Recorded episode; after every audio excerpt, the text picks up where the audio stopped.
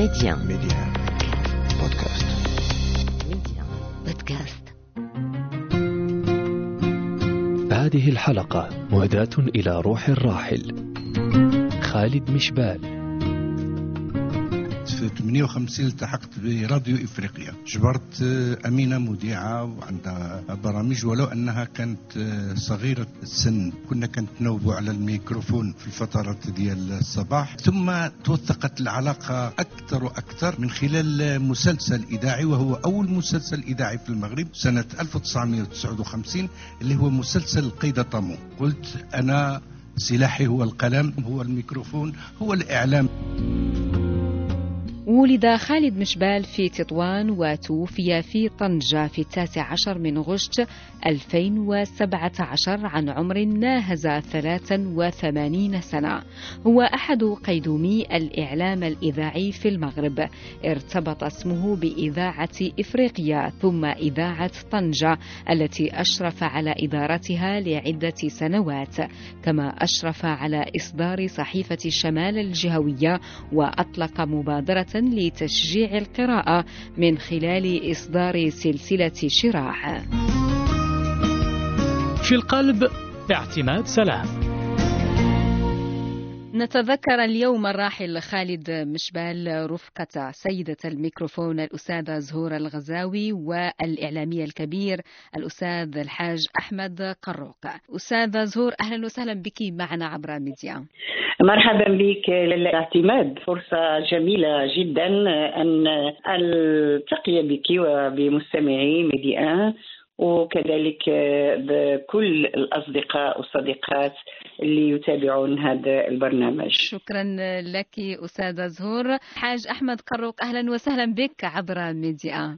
أهلا وسهلا مرحبا بك وتحية شكر وتقدير للسادة المستمعين ولطاقم إذاعة البحر الأبيض المتوسط آه، على هذه المبادرة الطيبة التي جاءت ونحن على أبواب شهر رمضان المبارك لتكريم من رحلوا عنا من الإعلاميين. وحديثنا اليوم وتكريمنا اليوم لاسم كبير هو أحد رواد الإعلام الوطني ما بعد الاستقلال نتحدث عن خالد مشبال هذا الاسم كبير وثقيل أيضا أستاذة زهور الغزاوي. بالفعل خالد مشبال يعني شكل وحدة ظاهرة آه، في الإعلام الوطني والعربي لأن آه، سي خالد مشبل آه، رجل كان يسبق عصره يسبق ما جاء من بعده. سي خالد مشبل رجل متفاني كان في المهنة رجل علمنا كثيرا نحن اللي. كنا آه، ماشي مبتدئين ولكن كنا في واحد المرحلة وسط. آه، بين البداية وبين ما بعد آه، سي خالد مشبال آه، شخصية ربما لا تتكرر كثيرا نعم. مهم. في الإعلام الوطني صحيح ما قلته أستاذة زهور. طبعا الحاج أحمد قروق كان رفيق بدايات خالد مشبال. أستاذ أحمد قروق لقاء في المقهى. بعده كان هناك حديث ثم كانت هناك زمالة في إذاعة إفريقيا. احكي لنا تفاصيل هذه البداية التي طالت لاحقا وكانت لها عدة محطات. فعلا أخت زهور أعطت آه، للاستاذ خالد رحمه الله كل ما يستحق من تقدير وتنويه فهو يعتبر من أعمدة الإعلام في المغرب وفي شمال إفريقيا. فقد كان يريد إعلاما نزيها يريد إعلاما لا تتحكم فيه السلطة حرا.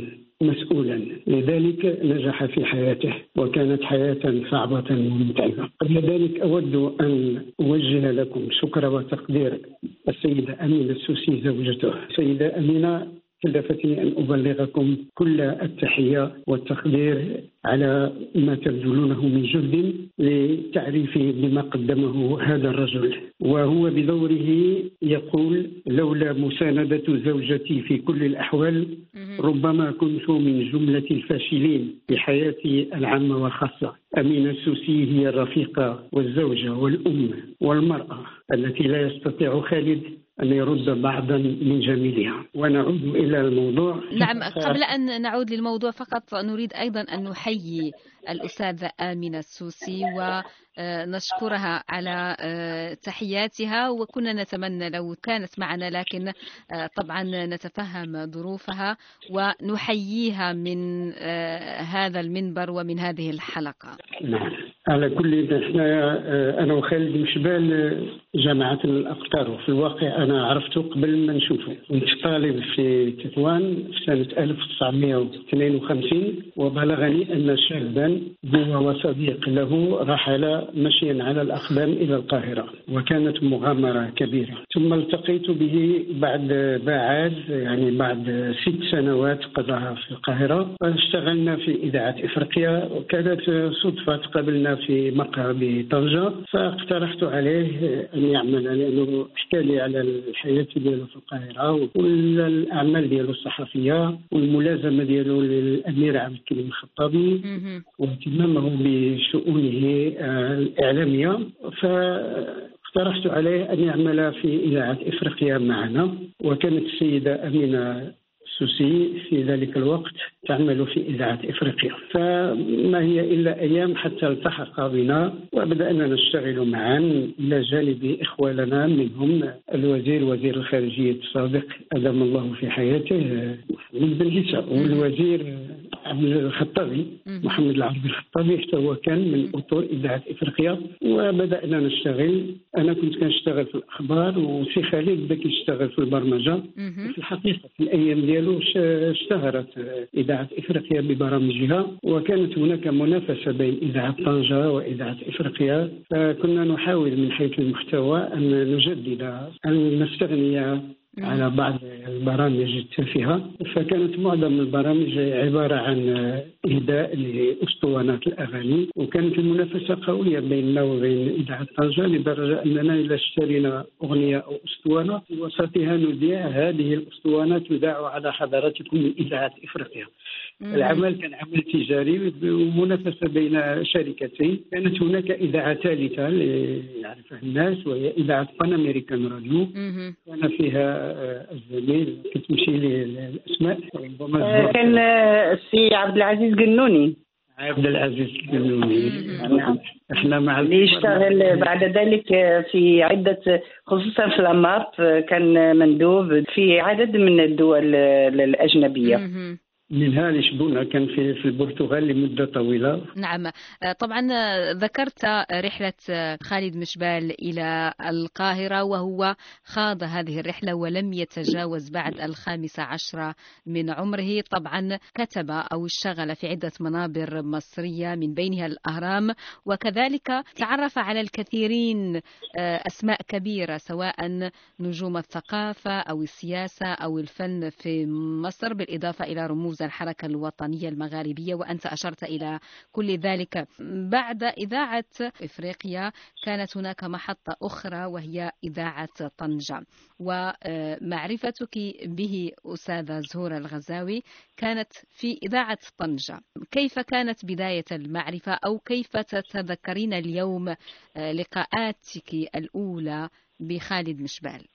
في الحقيقة أنا أعرف خالد من شبال قبل ذلك لأن آه، أم آه، زوجة لا أمينة الإعلامية والأيقونة ديال الإذاعة طبعا. سواء افريقيا أو ديال إذاعة طنجة. ولو أني افريقيا ما لم أكن لأن لم أكن ولدت بعد يعني لما كانت افريقيا ولكن الأم ديال امينه كانت جارتنا وكنت أشاهد اشاهدهما يعني يزوراني الوالدة وكان آنذاك يصدر جريدة. أنا لا يعني أتذكر الاسم ديالها وكان يوزعها يعني أحد المستخدمين معه كان يوزعها ونحن يعني في نشاهد تلك العملية في حينا.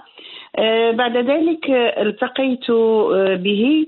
لما كنت في البداية الأولى ديالي ديال إذاعة طنجة كان انذاك المدير سي مصطفى عبد الله كلف بإعداد مسلسل إذاعي يذاع من طنجة. وكان أعطاني الدور الأول في هذا المسلسل.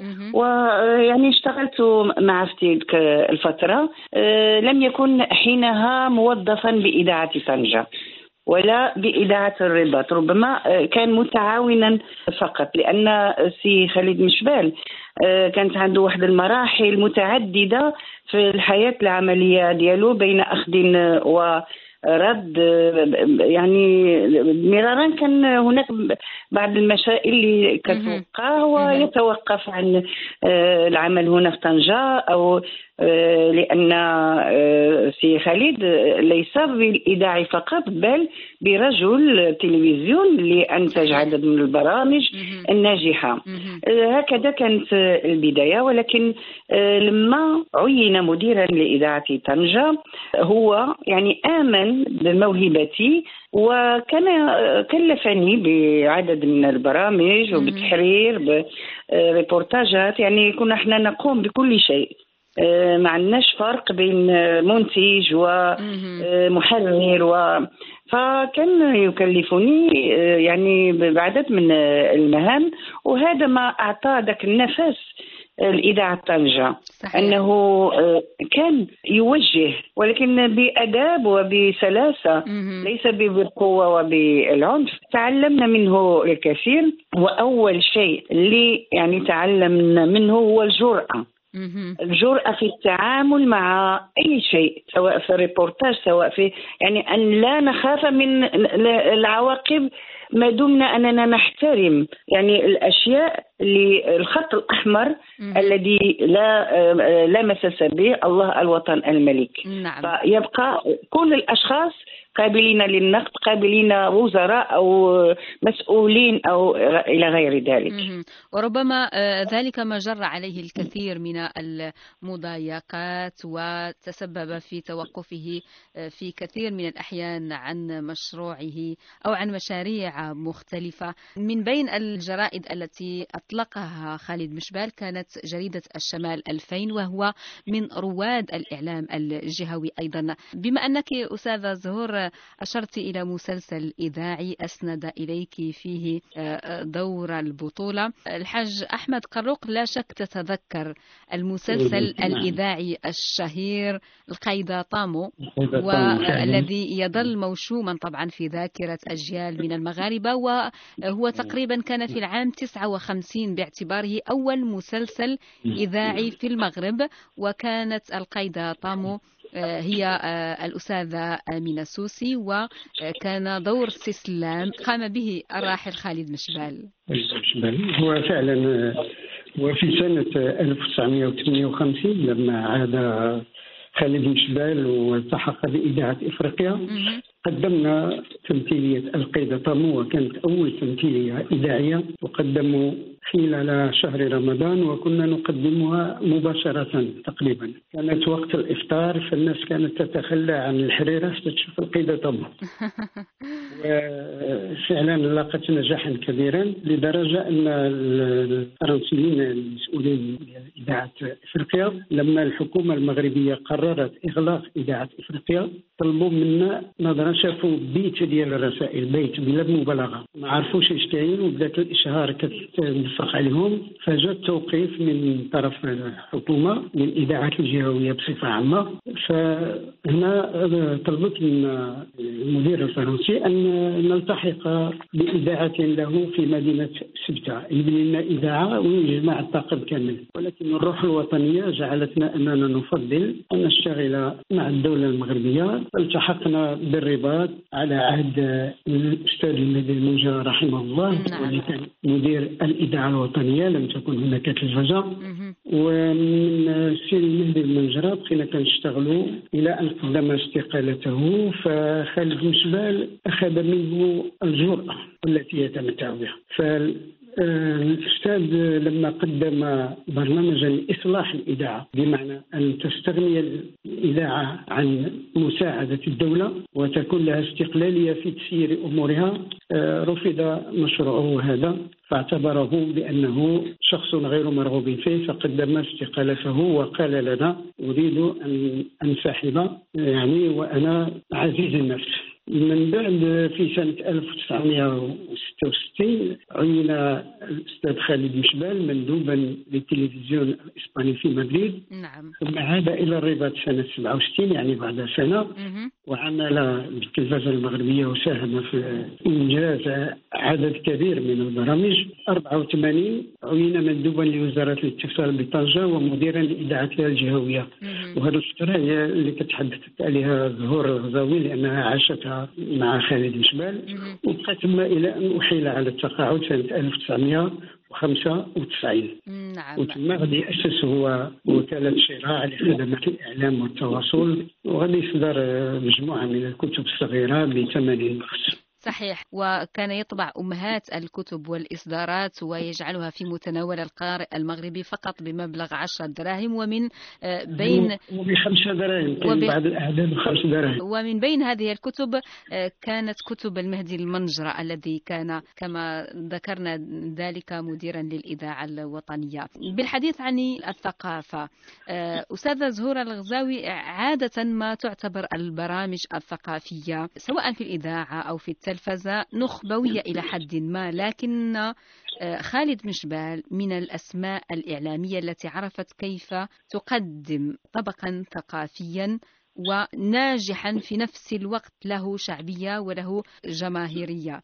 يمكن أن نتذكر برنامجه المتميز حالة شرود الذي كان من أنجح البرامج الثقافية في آه، سبعينيات القرن الماضي. أيضا آه، الكثير من البرامج آه، سواء في إذاعة إفريقيا أو إذاعة طنجة أو حتى في التلفزة المغربية. هذا الجمع بين الثقافي والإعلامي. أعتقد بأنه كان سمة مميزة لخالد مشبال. بالفعل أستاذ اعتماد خالد مشبال استطاع أن يوظف الثقافة بشكل جديد آه، في إذاعة طنجة. هذا ما كان يميزها آنذاك.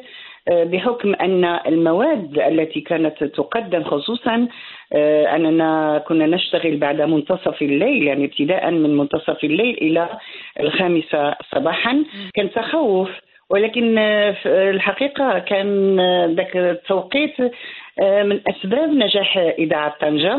لأن كانت التلفزة ربما يعني ربما البداية ديالها وكان المثقفون يتابعون آه، إذاعة طنجة بما فيهم آه، الطلبة الذين يتابعون دراساتهم أو آه، الطلبه الباحثين. فاذاعه طنجه كانت تقدم لهم المادة التي هم في حاجة إليها.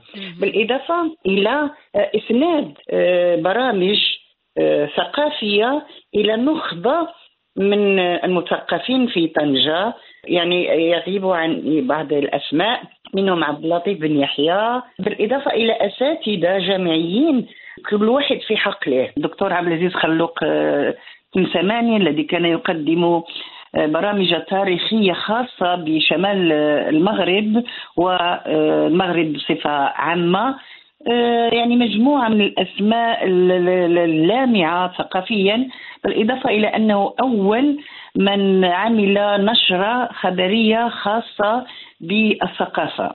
بالإضافة إلى آه، نشرة خاصة بالمنوعات الجديدة التي اليوم يعني نشاهدها في الانترنت اليوتيوب إلى غير. ذلك.